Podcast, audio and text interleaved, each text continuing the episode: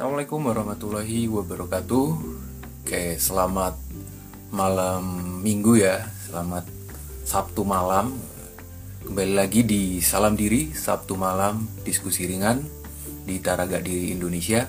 Oke, pada malam hari ini kembali ya bersama saya di sini Andika Akmal dari Taraga Diri Indonesia, salah satu sebagai salah satu co-foundernya ya. Oke, malam hari ini kita akan membahas terkait uh, bahasanya masih tentang apa ya uh, peminatan gitu yang ada di psikologi gitu, terutama yang ada di uh, apa ya studi lanjut gitu kan. Ini studi lanjut jadi S2 gitu kan ya. Bagi teman-teman yang mungkin uh, penasaran seperti apa sih uh, ketika kita contoh nanti sebagai lulusan S1 terus pengen melanjutkan lagi oh, mungkin tertarik untuk melanjutkan di program psikologi. Nah pada malam hari ini kita akan membahas tentang magister psikologi sains. Kalau kemarin kan headline-nya atau judulnya itu apa mendalami oh, dalami psikologi tapi kok nggak jadi psikolog gitu kan. Nah ini ada kaitannya dengan hal itu gitu. Nanti saya tidak akan sendiri di situ. Nanti ada uh, Kak Taufik nanti. Jadi Kak Taufik nih mungkin saya kenalkan dulu ya sebelum saya kita undang Kak Taufik masuk. Jadi Kak Taufik ini dari Magister Psikologi Universitas Gajah Mada gitu. Oke, kita langsung saja lah ya biar saya tidak sendirian. Nih, tadi sudah ada apa ya, opening sedikit lah ya membahas tentang bahasan kita malam hari ini gitu. Terus juga tadi sebenarnya sempat kenalan dikit gitu. Mungkin Kak Taufik mau menambahkan terkait perkenalan dirinya gitu. Boleh, boleh. Oke, bismillahirrahmanirrahim. Assalamualaikum warahmatullahi wabarakatuh. Uh, selamat malam teman semua. Uh, perkenalkan nama saya Muhammad Taufik Hermansyah, panggilan saya Taufik. Uh, saat ini saya sedang menempuh studi lanjut S2 Magister Psikologi Sains atau biasa kita sebut MAPSI ya kalau Magister Sains itu di UGM. Nah, tepatnya uh, saya tuh sekarang sedang berada di semester 3. Tuh semester 3 itu mulai menuju puncaknya studi untuk menempuh tesis gitu, Mas. Hmm. Ya, sama berarti ya. Sama-sama hmm. semester 3. ya. Oke. Ini udah banyak yang bergabung nih, Kak. Bergabung nih. Ada absen nih absen dulu ya mungkin kak ya.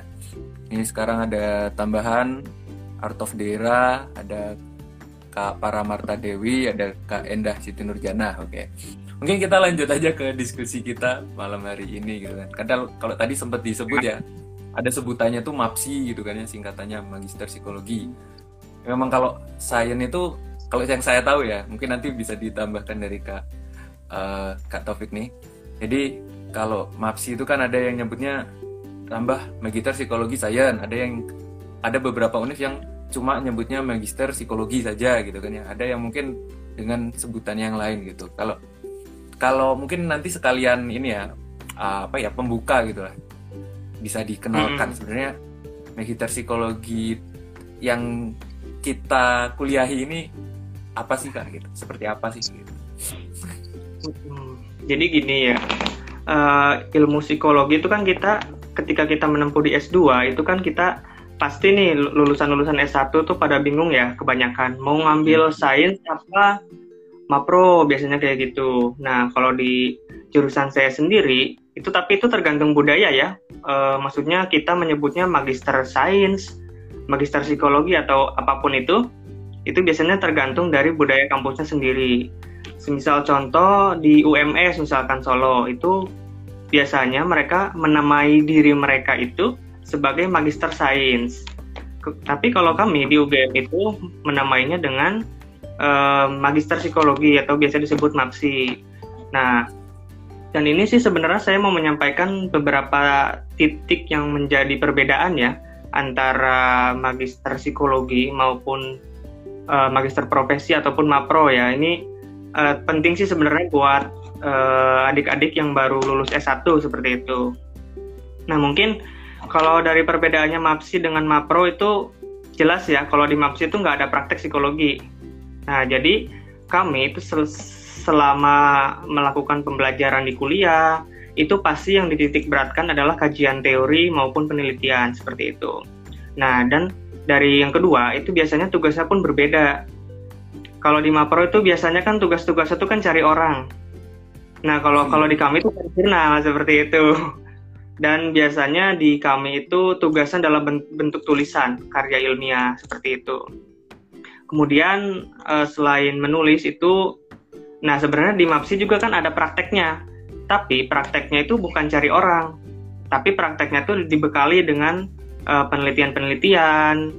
Uh, biasanya tuh kan penelitian itu terbagi jadi dua ya, penelitian review, review literatur, maupun juga uh, penelitian secara empiris seperti itu. Nah, hanya saja karena kita sekarang itu ya lagi pandemi, Nah, biasanya tugas itu diganti. Tadinya penelitian empiris itu menjadi review literatur seperti itu. Dan yang dan perbedaan selanjutnya yang paling ini mungkin yang paling dititik beratkan ya. Uh, di MAPSI itu sangat menurut saya itu sangat cocok untuk lanjut ke S3 seperti itu.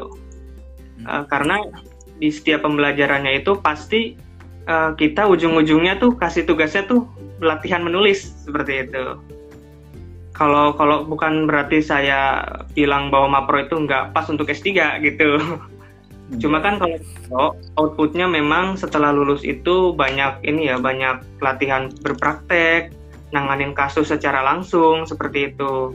Sehingga itulah yang menjadi beberapa perbedaan antara MAPSI dengan Mapro. Dan juga hal-hal unik lainnya yang dimiliki MAPSI itu kita bisa bergabung dengan lulusan non psikologi. Nah, Hmm. Justru itu menurut saya uniknya di situ karena kita bisa banyak berdiskusi uh, dari perspektif dari jurusan lain. Bahkan di tempat saya itu ada ada loh mas uh, yang alumni dari sastra Inggris, keolahragaan seperti itu ada. Jadi eh, perbedaan-perbedaan lulusan S1-nya itu bisa membuat kita semua bisa uh, bertukar perspektif pemikiran seperti itu. Kalau dari Mas gimana? Iya, iya sih. Ya sebenarnya kan kalau di sains itu, nah ini mungkin uh, ada sebagian orang yang mungkin belum tahu ya tadi kan udah dijelasin juga. Jadi kalau di magister psikologi ini memang dari S1 apa yang S1-nya tidak psikologi bisa gitu kan ya, bisa untuk melanjutkan di uh, magister psikologi gitu. Berbeda dengan kalau yang di sebelah kan di di Mapro di magister profesi itu harus dari S1-nya yang apa namanya sejalan gitu lah ya. Yang dari psikologi juga gitu. Kan kalau di kita kan. Itu tuh sempitnya gitu lah ya definisinya. Jadi jadi dengan apa ya bervariasi tadi ya dengan bervariasi juga bisa meningkatkan apa ya kasarannya uh, sudut pandangnya juga. Terus juga yang namanya tadi ya dituntut uh, studi literatur dan juga penelitian hmm. itu ya memang harus uh, selain baca buku yang banyak juga wawasannya juga harus luas juga ya. Itu sih kalau kalau itu mungkin ya titik apa ya kasarnya titik intinya oh, titik intinya itu mungkin tadi ya sebenarnya S1 yang seandainya bukan dari psikologi bisa gitu lanjut ya. di di magister psikologi gitu intinya teman-teman yang dari lulusan S1-nya bukan psikologi itu sangat terbuka lebar uh, untuk masuk magister psikologi sains seperti itu. Iya. Ya, kalau uh, mungkin ada ya, mungkin yang dari teman-teman yang apa kedokteran, teknik gitu ya, mungkin bisa nanti lanjut kalau tertarik dengan psikologi gitu, mungkin bisa dikolaborasikan juga tuh ilmu-ilmu S1-nya gitu dengan tempuh yang ditempuh di S2 gitu. Sangat mungkin sekali itu. Dan banyak juga kan uh, teman-teman kita juga yang nanya gitu kan gimana sih uh, prospek ke depannya gitu untuk berkarir dan sebagainya setelah lulus S2 karena banyak yang bilang uh, Mapro dan Mapsi itu jalurnya sangat berbeda. Karena ini uh, jebolannya psikolog dan ini jebolannya ilmuwan kayak gitu. Kalau menurut saya pribadi hmm, sebenarnya jalurnya nggak beda nggak jauh-jauh amat ya. Kita kan jalur psikologi semua. Yeah. hanya saja mungkin ke ke uh, saat kita berkarir itu kami itu nggak bisa buka praktek seperti itu sebenarnya banyak sih kalau menurut saya pribadi uh, lulusan MAPSI itu kan yang paling populer jadi dosen ya nah itu karena prospeknya jadi dosen itu sangat cocok sekali untuk bisa lanjut ke S3 seperti itu. Kemudian sebagai peneliti ataupun kita bisa masuk ke instansi pemerintahan di bagian riset itu sangat mungkin sekali. Ataupun kita bisa juga sebenarnya jadi entrepreneur seperti jadi motivator atau penulis buku ataupun kita juga bisa berbisnis setelah lulus dari MAPSI. Banyak sekali sih ininya uh, jalan lah intinya setelah lulus Intinya dari MAPSI ya sama lah ya berarti intinya itu ketika kita ya namanya sudah mendalami gitu kan ya keilmuan tersebut masuk apa outputnya ataupun outcome-nya tidak dimaksimalkan dengan sebaik mungkin. Pastilah ada ada apa ya kasarnya kalau bicara prospek ya pasti selalu ada ya. Tadi apalagi yang terutama kan yang dilatih banget itu soal uh, penelitian tadi ya kak ya. Penelitian riset gitu lah ya. Dan itu sangat dibutuhkan ya di Indonesia. Dan ini apa namanya uh, banyak teman-teman saya waktu S1 juga kayak apa ya uh, mungkin belum belum paham gitu. Jadi uh, lulusan S1 psikologi itu mesti jadi psikolog seperti itu. Dan misalkan uh, kita masuk MAPSI itu mau jadi apa ke depannya kayak gitu. Padahal kan sebenarnya kalau menurut saya pribadi asalkan kita niatnya untuk bermanfaat bagi orang lain itu bisa gitu biarpun kita masuk di uh, keilmuan kita bisa memberikan kontribusi untuk bermanfaat bagi orang lain dengan uh, karya-karya tulis ilmiah. Itu bisa di dalam jurnal dan sebagainya. Seperti itu kak. Cuma mungkin ini kak kan tadi kan masih ada sedikit bahasan gitu terkait mungkin ada teman-teman di sini. Nanti juga silakan teman-teman yang lain ketika ada yang bingung atau yang dipertanyakan gitu ada yang merasa apa ya masih dipikirkan gitu. Kan ada nih kak teman-teman yang mungkin di sini pengen lanjut juga sebenarnya cuma masih ragu atau masih belum tahu sih gitu. Apa sih bedanya sih sama Mapro gitu?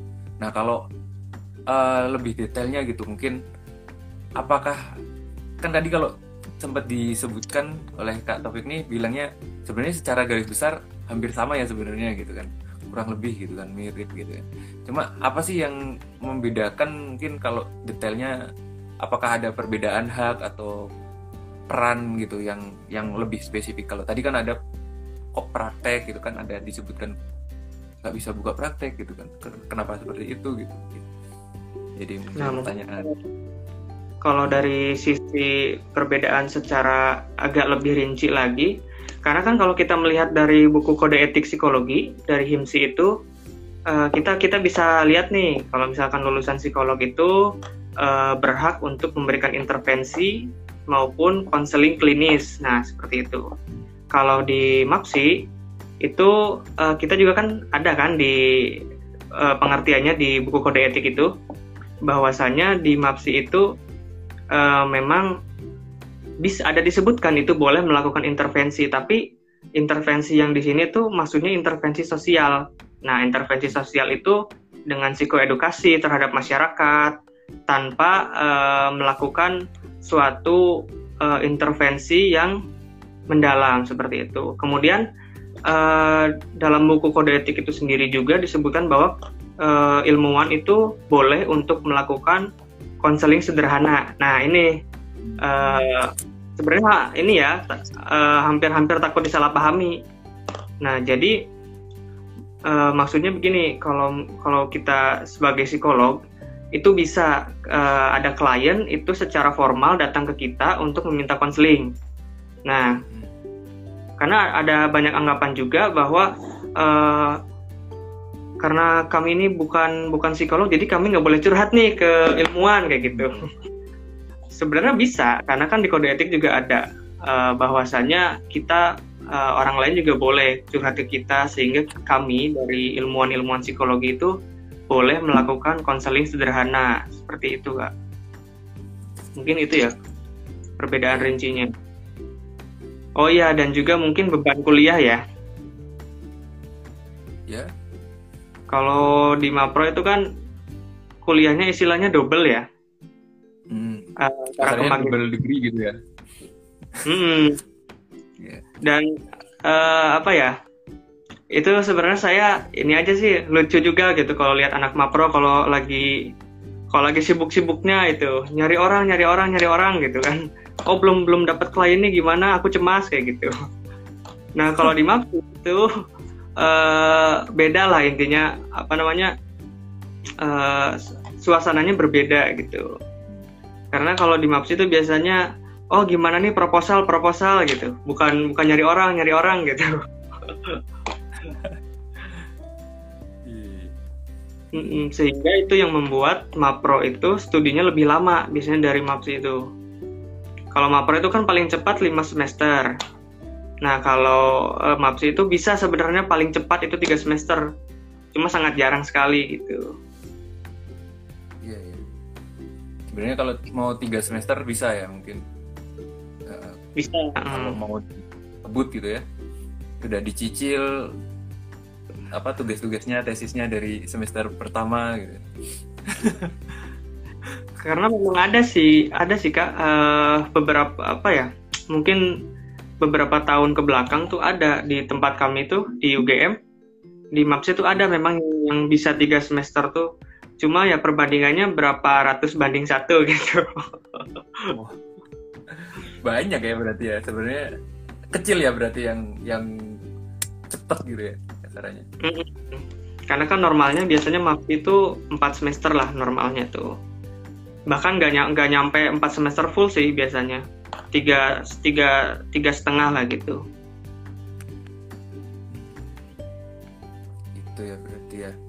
Ya tadi kalau disebutkan kan berarti sebenarnya ya kalau menangani klien atau apa ya tadi ya ya kasarannya berarti kan sebenarnya boleh lah ya gitu kan. Ada mungkin sekedar kayak intake gitu apa intake intake gitu kan. Apa mengam, apa yang sederhana gitu konseling bahkan konseling sederhana gitu. Bahkan ya mungkin terutama juga uh, dalam pengawasan supervisornya gitu yang uh, psikolog senior gitulah ya kurang lebihnya gitu ya. Sebenarnya kalau di uh, MAPSI sendiri lulusan MAPSI sendiri sebenarnya ya bisa melakukan itu lah ya.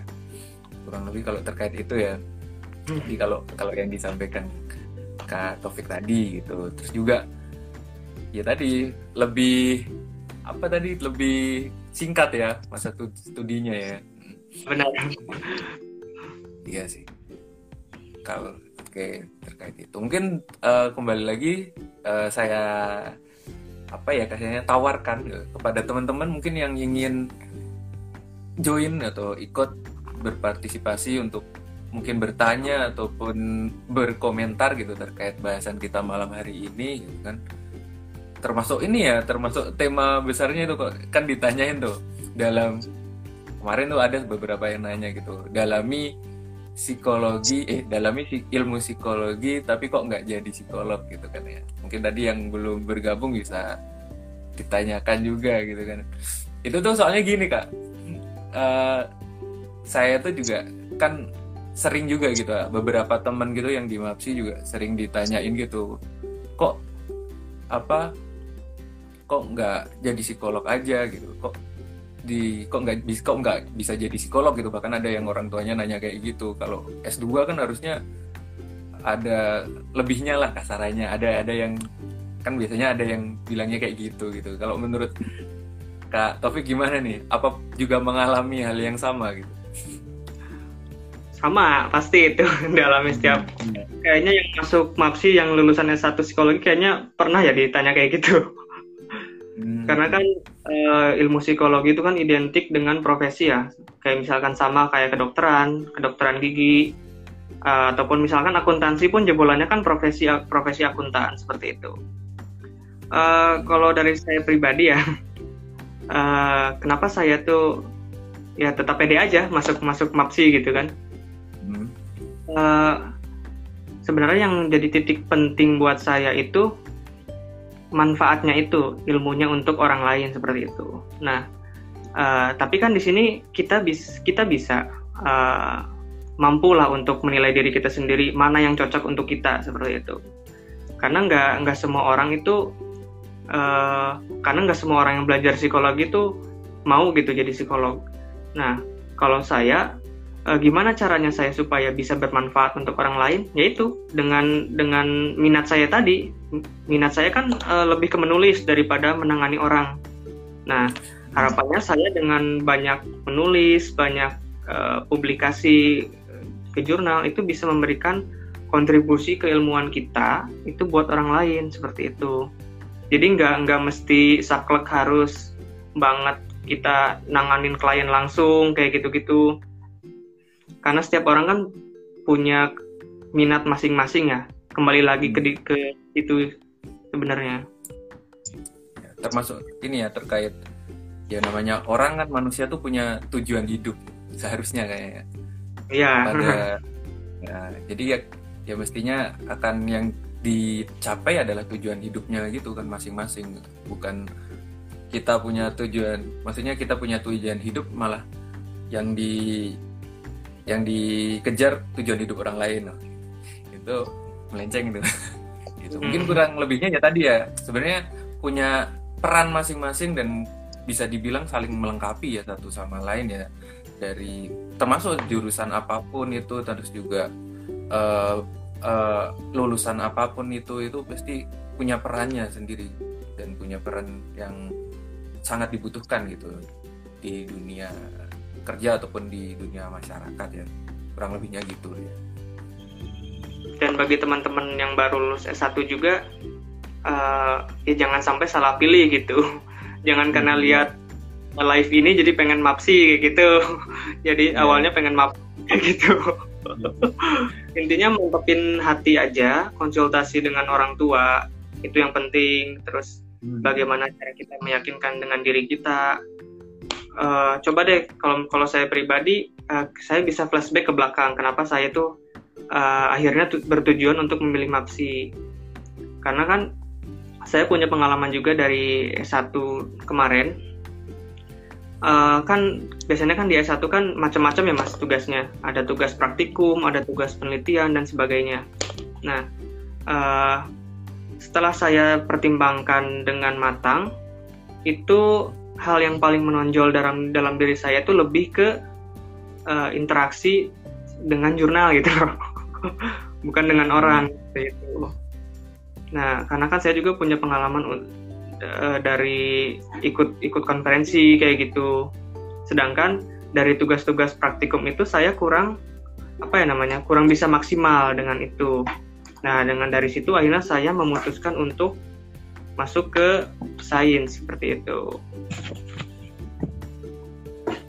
Termasuk ini ya kak ya. Sebenarnya kalau masuk termasuk ya kalau untuk masuk ke S2 itu kan sebenarnya ada apa melewati tes juga kan ya. Maksudnya di situ dilihat kepribadiannya juga gitu kan, dilihat kecocokannya juga gitu kan ya. Kalau kalau ketika seandainya nanti apa seandainya nanti ya teman-teman yang lulus S1 nanti mau lanjut itu biasanya ada yang semacam itu juga gitu bahkan ya kalau kalau di Mapro di Mapsi itu kan juga dilihat ini ya kecocokan uh, peminatannya juga gitu contoh ada yang pendidikan ada yang klinis ada yang sosial itu kan juga dilihat oh ini cocok di mana juga itu kan juga tergantung juga dari lulus tesnya gitu ya kayak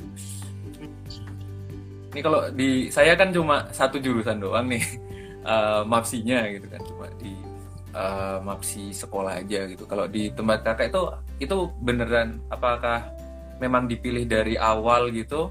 Maksudnya kan contoh ada tadi ada klinis ada pio ada penjurusan yang lain gitu. Kalau di kakak itu tadi menyesuaikan apa tesnya tuh menyesuaikan apa ya tadi kepribadiannya itu seperti di Mapro atau uh, ya itu sesuai minat aja gitu sesuai pilihan aja gitu.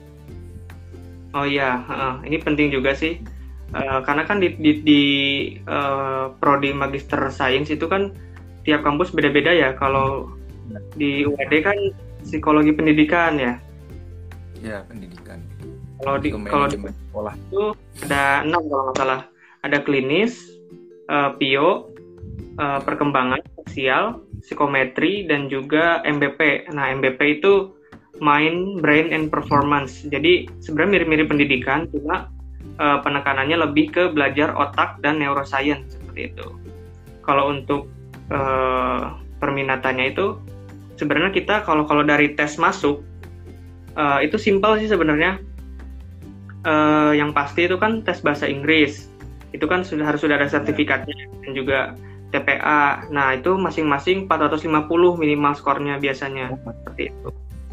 Kemudian kalau untuk tesnya itu uh, berupa soal-soal itu biasanya itu yang membedakan ini ya uh, MAPSI dengan MAPRO ya.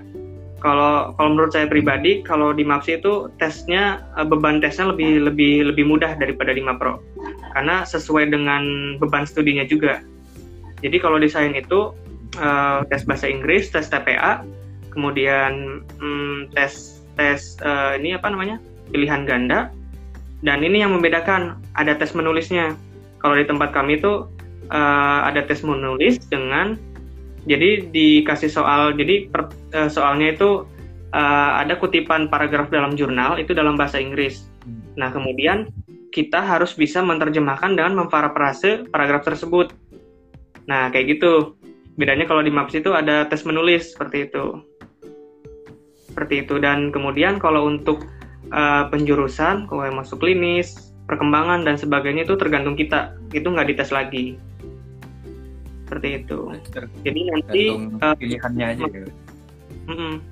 memilihnya itu pas uh, setelah uh, perkenalan gitu, perkenalan kuliah itu langsung kita key in. Nah habis key in itu langsung kita bebas mau milih uh, perminatan apa pun gitu yang ada di situ berarti lolos dulu baru ini milih gitu ya yang senangkapnya saya iya ya berarti iya. Jadi kalau ada... kalau di nggak ada ininya nggak ada tes lagi masuk perminatan nggak ada. Itu terserah kita mau masuk perminatan apa pun gitu. Itu tergantung pilihannya juga ya peminatannya kita gitu. Nah biasanya tuh ada -hmm. juga nih kalau kalau tidak salah tuh kan ada uh, pilihan ya ini nggak tahu juga sih coba nanti diklarifikasi ya biasanya kan ada juga uh, pilihan minor mayor gitu kan. Nah itu tuh kalau kayak gitu milihnya gimana tuh? Kan kita kan tadi singkat ya kita uh, studinya cukup singkat. Berarti kan untuk milih itu juga sebenarnya harus persiapan panjang juga ya. Sebelumnya mungkin sudah punya pilihan gitu. Nah kayak kalau milih hal semacam itu gimana? Nah itu makanya uh, mau masuk MAPSI maupun MAPRO tuh kita sudah punya tujuan gitu dari awal. Hmm, nah, ya, ya. karena ada beberapa teman saya juga di kampus itu sam sampai bingungnya itu setengah mati itu mau milih perminatan apa itu masih belum tahu gitu sampai oh. menjelang kayak gitu. ada memang ada kasus kayak gitu. Dan kalau untuk mayor minor itu sebenarnya tergantung kita ya. Uh, kalau di tempat kami memang bisa itu mayor minor, tapi itu wajib untuk di Mapro. Kalau di Maps hmm. itu enggak wajib. Karena kalau saya sendiri tuh nggak ada minornya malah. minornya tuh saya ngacak malah. E, mayornya klinis, e, minornya tuh saya ambil ambil sosial ada, bio ada. Iya. itu nggak terstruktur sih kalau di Mapsi seperti itu. Yeah, yeah mungkin bisa agak dijelaskan mungkin apa sih maksudnya yang dimaksud tadi mayor minor nih apa mayor minor tadi gitu. Yang yang mayor kan tadi kalau kak Taufik kan klinis ya gitu kan. Terus minornya tuh kok tadi bisa ngambil ada yang fokus ada yang acak gitu tuh kayak gimana sih? Ya sebelumnya kalau, ya, apa sih yang dimaksud itu gitu? Kalau mayor itu kan permintaan utama. Hmm. pemahaman saya ya dalam bahasa saya sendiri uh, kalau minor itu uh, per perminatan untuk mengembangkan kompetensi. Nah, misalkan kalau kalau kita analogikan dengan mapro, uh, misal mapro ambil klinis mayornya. Nah, nanti uh, setelah beberapa mengikuti beberapa beberapa blok itu nanti ada uh, kita mengikuti minor. Minornya itu bisa pio maupun pendidikan. Nah, tujuan dari minor itu tuh untuk mengembangkan kompetensi kita sendiri sebenarnya. Kayak gitu. Nah, berhubung di MAPSI ini kan keilmuan, nah itu makanya nggak wajib untuk ngambil minor itu. Dan sebenarnya kalau di MAPSI itu sendiri, minor itu uh, sebenarnya mata kuliah pilihan yang diminati kita sesuai topik riset. Nah, biasanya kayak gitu. Kan beda tuh kalau kalau di Mapro tuh uh, untuk mengembangkan kompetensi. Nah, kalau biasanya kalau di MAPSI itu minornya itu dipakai untuk uh, sesuai dengan topik riset. Misal, uh, misalkan topik topik tesis saya mengenai transpersonal. Nah, saya tuh harus ngambil ngambil mata kuliah psikologi transpersonal gitu. Nah, itu harapannya dengan mata kuliah minor tersebut itu bisa menopang kita untuk uh, melanjutkan tesis kayak gitu. Kasarannya menambah ini ya sokongan, sokongan. Ya, ya, kompetensi lah. Wawasan. Wawasan. Hmm. Oke, ini agak dengung ya suara saya. aman kok mas? Uh, di sini ada pertanyaan dari Kak Paramarta Dewi. Kalau di MAPSI UGM ada jurusan apa aja Pak? Dan jurusannya belajar apa aja? Hmm, itu Jadi, tadi ya. itu tadi mungkin bisa bisa kalau di MAPSI UGM itu oh ini Mbak Arta ya? Para Marta ya Mbak Arta. Ya, jadi kalau di UGM itu ada enam perminatan jadi ada klinis uh, PIO sosial, perkembangan, psikometrika, dan MBP. Nah, kalau saya sendiri kan di klinis. Sebenarnya kalau kalau di UGM MAP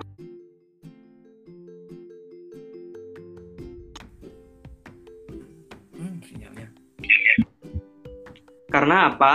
Uh, sebenarnya kan kalau klinis itu kan identik dengan profesi ya. Nah, iya. Hmm, karena saya uh, sainsnya di klinis itu kebanyakan kita diskusi di kelas tuh. Misalkan diskusi mengenai um, kesehatan masyarakat, bagaimana isu-isu kesehatan mental, bagaimana problem-problem kesehatan mental di masyarakat. Uh, misalkan uh, di membahas mengenai psikologi positif seperti itu. Dan pasti outputnya itu kebanyakan menulis kayak gitu. Baik itu tapi kebanyakan itu paper review, review literatur kebanyakan.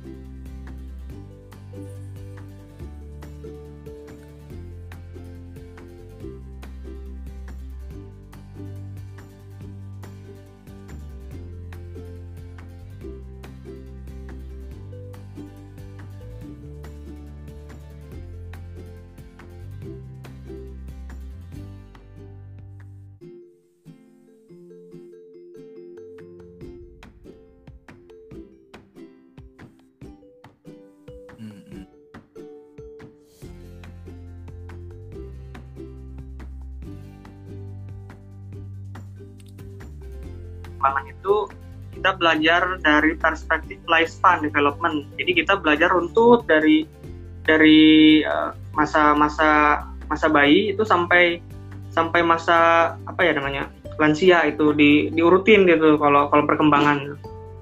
Kemudian uh, ada psikometri ya. Kalau psikometri itu kita tahu sendiri kan, uh, pasti tentang pengukuran kayak gitu entah itu pengukuran minat bakat, pengukuran kepribadian, yang seperti itu yang yang saya tahu ya. Kemudian, hmm, oh ya satu lagi ada MBP. Nah MBP itu uh, singkatan dari Mind, Brain, and Performance. Jadi sebenarnya itu mirip-mirip sih sama perminatan pendidikan. Nah cuma bedanya itu di MBP kita fokus ke ke belajar otak gitu loh bagaimana dinamika otak itu bisa mempengaruhi uh, pembelajaran kita, kemudian kita uh, mendalami neuroscience kayak gitu. Sepertinya itu ya. Iya itu, cuma ada enam. gimana kak? Gimana kak? Ada pertanyaan lebih lanjut mungkin? Nah, itu tadi ada salah satunya menaik juga itu ya terkait apa kinerja otak juga ya ada ya di di UGM seperti itu. Oke. Ya. Uh, ini kalau tadi kan ya kan tadi udah bahas terkait seperti apa sih seluk beluknya perbedaannya gitu kan ya terus juga mungkin apa kewajiban atau hak-haknya gitu kan dari jurusan MAPSI sendiri gitu kan nah kalau untuk mungkin ya apa ya kan ini nih kalau kita melihat tuh kan biasanya tuh kan ada yang masuk ke apa ya mapro ada yang ke mapsi gitu kan. Kalau ada yang masih bingung tuh sebenarnya uh, bisa tahu kalau dirinya itu cocoknya di mana itu kalau menurut kakak gimana? Dari mana sih? Dari kasar kasarannya ini.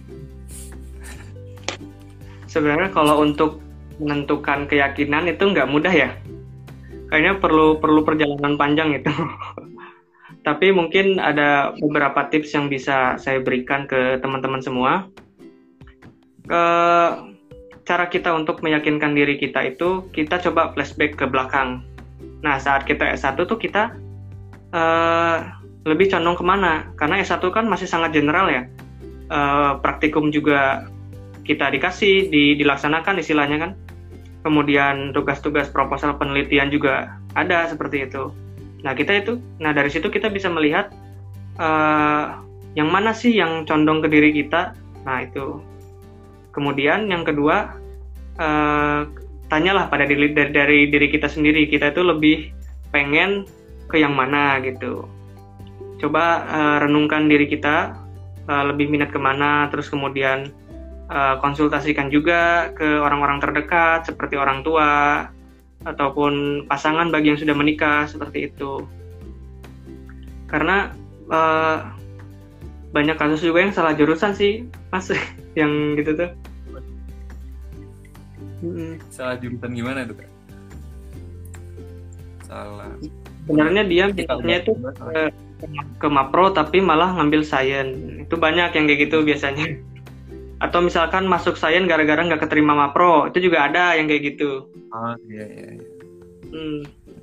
nah itu yang yang dikhawatirkan kalau misalkan kita hatinya nggak mantap itu nanti takutnya kita uh, capek-capek belajar dua tahun atau dua setengah tahun itu nggak bermakna kayak gitu ya termasuk kesiapan diri juga ya paling penting tuh ya sebenarnya mm -hmm. kalau belum mungkin belum siap untuk apa ya untuk S2 untuk studi lanjut mungkin dipikirkan juga gitu kan ya dari fisik pikiran dan ekonomi juga ya. Itu harus betul betul. kan iya. Oke oke oke. Tadi ini ya mungkin kalau apa terkait keyakinan diri mungkin ya caranya ya mungkin harus latihan juga terkait maksudnya meriset juga kan ya maksud apa ya kayak daftarnya masuk ke contoh univ apa? Oh di univ ini ada jurusan ini ini ini mapsinya gitu kan. Oh ini yang cocok sama aku yang jurusan apa gitu kan. Itu juga sebenarnya perlu survei juga ya kayak. Ya. nggak cuma nggak cuma apa ya contoh masuk oh ini univnya aku banget nih terus masuk gitu kan. Nggak kayak gitu ya mungkin. Karena kalau mapsi itu kan banyak banget ya kak macam-macam jurusannya ya kak ya. variasinya itu kan ya jadi kalau ini juga kalau kemarin sempat survei ke Surabaya itu juga ada yang khusus terapan S2-nya terapan khusus itu Terus ada juga yang mapsinya itu apa itu agak lupa juga ada ada yang khusus perkembangan juga ada yang ada hmm. ada bahkan juga yang khusus di psikologi Islam juga ada itu. Kalau nggak salah tuh itu sih kemarin sempat survei sih kayak gitu kecil-kecilan. Ya, sebenarnya kan tergantung kita juga ya. Uh, sebenarnya kalau kalau saya pribadi itu kan uh, kuliah di mana aja itu kan tergantung kitanya kan ya. Nah yeah. ini juga sih kalau tips memilih kampus uh, kita cari kampus yang memang uh, expert di bidang yang kita miliki. Hmm. gitu. Kayak misalkan kalau kita fokus dengan psikologi Islam itu kita bisa pilih UII atau UAD itu kan lebih expert gitu dibanding di UGM seperti itu. Ataupun kalau misalkan ke ke forensik di universitas lain seperti itu. Ah, iya, jadi tergantung kita juga gimana kita pinter-pinter sih uh, cari univ itu sendiri gitu. Tadi ya kembali ke tujuan gitu tujuan diri kita termasuk tujuan lanjut studi juga ya kayak ya. tujuan lanjut studi apa gitu kan ya. Terus menyesuaikan minat kita menyesuaikan kemampuan kita juga gitu, ya sih bener banget tuh. Termasuk ini ya kalau kan biasanya ada tuh yang melanjutkan juga karena ya banyak hal ya kayak oh ini lebih deket juga ada ya kayak gitu lanjut ya, deket, oh, ada rezeki gitu ya. Kan ada ada juga yang kayak gitu ya. Oke. Oke kita terkait itu ya mungkin sebenarnya kembali lagi ya sama ya. Kalau S1 S2 itu ya juga kalau bisa ya tadi harus ada diskusi dengan orang lain juga ya kayak ya. Kalau mau milih apa ya penjurusan peminatan itu ya. Jadi intinya tuh mau kita mapro ataupun mapsi intinya kita fokuskannya dulu ke satu sih. Uh, kita tuh harus bisa bermanfaat untuk orang lain gitu. Nah cuma kita kan dalam memberikan manfaat kan beda-beda tuh caranya. Ada ada, ada yang mm, langsung terjun langsung ke orangnya dengan memberikan langsung intervensi. Ada juga yang memberikan sumbangsi dengan keilmuan kayak gitu. Ataupun dalam bentuk tulisan yang kayak gitu-gitu. Nah kalau kalau iya, konsep itu udah bisa pegang itu itu gampang. Kita bisa bisa apa ya namanya bisa bisa tahu lah bahwa diri kita tuh condong ke mana untuk ngasih manfaat ke orang lain kayak gitu. Tahu sisi tahu tahu ranah aktualisasi dirinya lah katanya. Iya. Kalau iya jadi ingat sesuatu nih kak. Dulu tuh pernah uh, main lah ya main ke rumah sakit gitu. Terus ada pasien tuh dia ngeluh gitu. Wah kalau penanganannya di sini tuh dia bilangnya gini ini karena orangnya pasiennya itu ini ya mungkin karena pendidikannya agak tinggi gitu. Lebih punya ja, apa bukan jabatannya strata yang tinggi juga gitu. Terus dia ngeluh gini wah ini kok kalau di sini penanganannya gak update sih gitu katanya kayak gitu ada yang bilang kayak gitu kan. Eh apa? Pasiennya bilang kayak gitu gitu. Wah ini masuk nggak tahu caranya. Contoh dia anak ini kan tentang ngelahirin anak gitu kan. Tentang wah kan harusnya kalau ngelahirin anak tuh nggak terus dipisah nih sama ibunya kalau yang di jurnal yang terbaru. Dia dia bilang gitu. Tapi kok malah dipisah jauh sama ibunya gitu kan. Kalau jurnal terbaru kan terus ditidurkan ke ibunya kan kayak gitu gitu. Dia curhat kayak gitu, gitu. terus itu dibilang kayak gitu katanya wah ini nggak update nih gitu bilangnya. Terus ternyata ketika saya cross check juga gitu kan di rumah sakit yang lain gitu. Terus ini kalau kalau update pengetahuan dari pegawai terus juga ya pegawai-pegawai yang di rumah sakit itu seperti apa gitu. Saya tanya ada salah satu uh, eh, HRD rumah sakit tertentu gitu di Jogja lah. Itu tuh dia bilang bahwasanya oh kalau kita itu selalu update setiap tiga bulan tuh harus jadi ada acara gitu yang di situ yaitu kayak kasarannya yang bedah jurnal gitu kayak bedah. Tapi jurnalnya udah di susun apa aja pembaruan keilmuan gitu termasuk di kesehatan di kebidanan di perawatan tuh jadi sistemnya di rumah sakit tersebut tuh bagus. Jadi setiap uh, tiga bulan itu selalu ada perku apa ya kayak sarannya kayak training ataupun juga uh, seminar lah pembahasan terkait uh, pembaruan keilmuan gitu. Nah kalau di sini kan tadi ya bedanya ada dua rumah sakit yang yang satu yang dia tidak memperhatikan uh, update jurnal dan ada yang ini selalu update gitu. Bahkan karyawannya selalu di upgrade juga gitu setiap tiga bulannya gitu. Nah kalau di sini kan ke kelihatannya berarti kak ya. Sebenarnya kebutuhan riset itu harus terus di apa ya digalakkan gitu kan. Termasuk juga di sini teman-teman yang praktisi dan yang langsung ke lapangan juga sebenarnya butuh gitu update-update keilmuan terus gitu ya.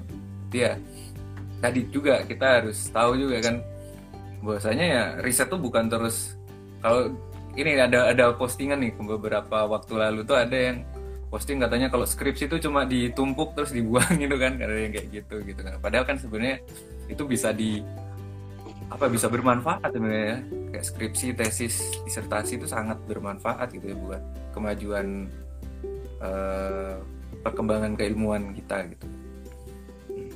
Mungkin ada pengalaman juga yang Kak Taufik rasakan gitu terkait hal tersebut ya ini sih makanya uh, buat teman-teman yang baru lulus S1 ataupun masih proses skripsi nah itu penting banget tuh.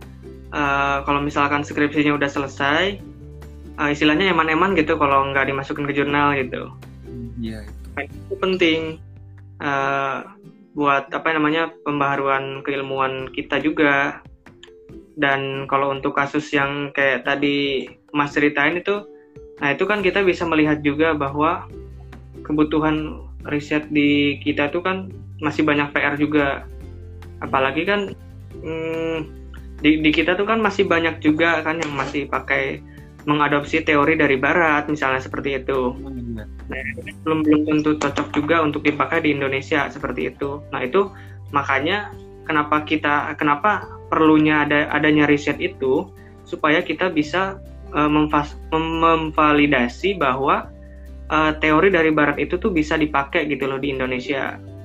Nah, itu itu sih makanya sisi sisi kritisnya keilmuan kita tuh harusnya dari situ. Karena kan kita tahu lah yang, yang namanya ilmu jiwa kan langsung gitu e, subjeknya orang gitu. Nah kalau misalkan kita salah juga ya resikonya ke orang juga gitu.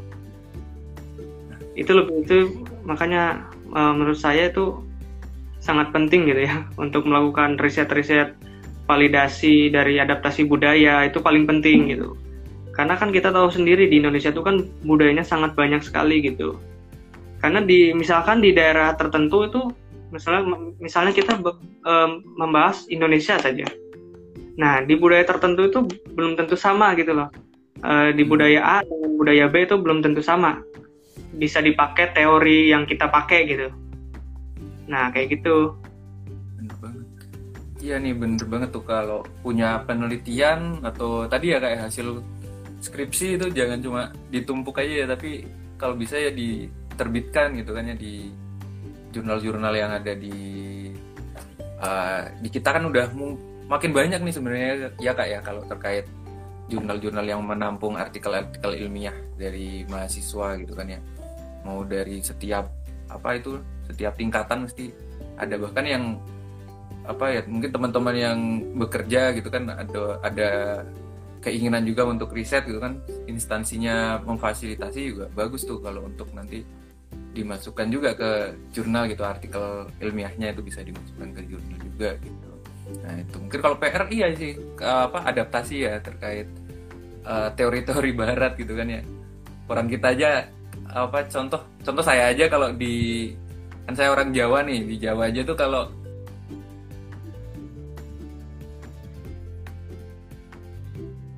tanggung udah beda gitu padahal tuh deket banget tuh udah nyambung mungkin ya. Ya kan namanya satu pulau ya nyambung ya.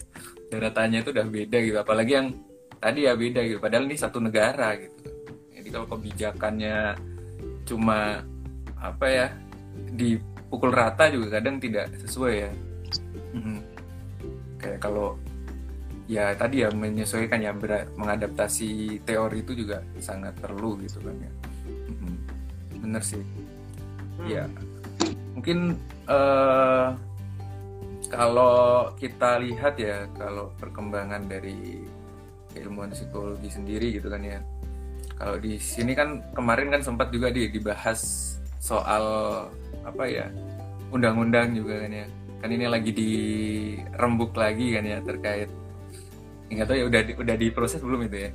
Terkait undang-undang keprofesian undang-undang praktek psikologi itu kan masih pending gitu ya masih menunggu kalau nggak salah ya untuk dibahas di apa sih di DPR ya kalau nggak salah. Itu juga sebenarnya ya terkait uh, apa ya terkait kerjaan kita juga itu juga nanti akan tergantung juga terkait kebijakan dari negara kita juga gitu. Ini juga ada pertanyaan lagi kak. Tadi kan sempat disinggung ya terkait prospek kerja nih kalau berkaitan dengan undang-undang dan ketenaga kerjaan tuh. Nah di sini dari kak Satriani Tora, uh, prospek kerja lulusan MAPSI di mana aja kak? Gitu. Mungkin bisa di hmm. apa ya jelasin oh, iya. lagi. Gitu. Hmm, prospek kerja ya di uh, di MAPSI itu sebenarnya banyak banget ya itu. Biarpun kita jebolannya nggak nggak jadi psikolog, tapi kita tuh banyak banyak kok. Nggak maksudnya nggak nggak nggak sesaklek. Kadang kan pikiran kita kan suka saklek ya. Um, lulusan saya apa nih karena nggak bisa jadi psikolog kayak gitu. Cuma yang biasanya yang populer untuk jawaban dari MAPSI itu kan pasti jadi dosen. itu udah pasti itu. Sangat populer sekali jawaban itu. Terus mungkin alternatif lain bisa jadi guru pun bisa kok. Kalau misalkan kita uh, ngambil konsentrasi di pendidikan bisa itu. Apalagi kan kebutuhan uh, riset untuk di sekolah-sekolah juga itu cukup penting karena kita tahu kan uh, pendidikan di kita juga masih banyak problem itu Makanya kalau untuk jadi guru tuh masih sangat terbuka lebar lulusan MAPSI itu. Kemudian ya pasti jadi peneliti ya research, researcher kayak gitu. Kemudian bisa bisa jadi peneliti di instansi pemerintahan itu bisa bisa banget. Di Kementerian Kemenristek kalau nggak salah itu bisa. Kemudian hmm, yang lainnya juga banyak sih kayak bahkan jadi HRD pun bisa loh lulusan MAPSI itu. Kalau kita ambil jurusan yang perminatan dia tuh bisa bisa banget jadi jadi HRD tuh. Kemudian jadi penulis buku bisa ataupun jadi youtuber juga bisa. Iya, iya. Dari ilmu yang kita dapat dari hasil-hasil uh, penelitian itu bisa kita kita kita sharingkan di YouTube kayak gitu-gitu kemudian jadi motivator bisa Terus kalau mau buka biro juga bisa, asalkan kita punya kerjasama dengan psikolog seperti itu. Kemudian mau berbisnis juga bisa gitu. Sebenarnya luas banget kok lulusan MAPS itu. Tadi ya menyesuaikan juga terkait peminatannya juga kan ya. Terkait ya itu sebenarnya kembali lagi ya ke tujuan kita awal gitu ya sebagai pribadi kita juga ya terkait itu. Terkait apa yang kita ambil tadi juga apa yang kita tuai gitu. Kalau tadi bilang pekerjaan juga banyak ya kalau di TV juga banyak ya kayak lulusan psikologi tim kreatif itu kan banyak tuh. Iya. Jadi ini paling banyak sekarang kan youtubers tuh ya. oke mungkin uh, ini ya uh, karena ternyata waktu udah memisahkan kita gitu kan. Karena waktunya terbatas juga mungkin ada closing statement gitu dari kak topik mungkin gitu. Atau juga pesan-pesan atau tips gitu buat adik-adik ataupun rekan-rekan yang mau melanjutkan ke Maxi kalau untuk teman-teman ini sebenarnya khusus untuk teman-teman yang ini ya masih bingung untuk S2 kayak gitu. Uh, sebenarnya kita tuh yang penting ini dulu sih. Uh, kita yakinkan dulu bahwa diri kita tuh uh, mampunya tuh ke mana gitu. Dan dan orang yang lulusan S1 non psikologi juga itu sangat ini kok sangat ber, ber, sangat berpotensi untuk ma masuk MAPSI kayak gitu. Nah, jadi uh, tips dan trik dari saya itu jangan terburu-buru untuk memilih suatu keputusan itu. Karena banyak pertimbangan juga itu yang perlu dipertimbangkan.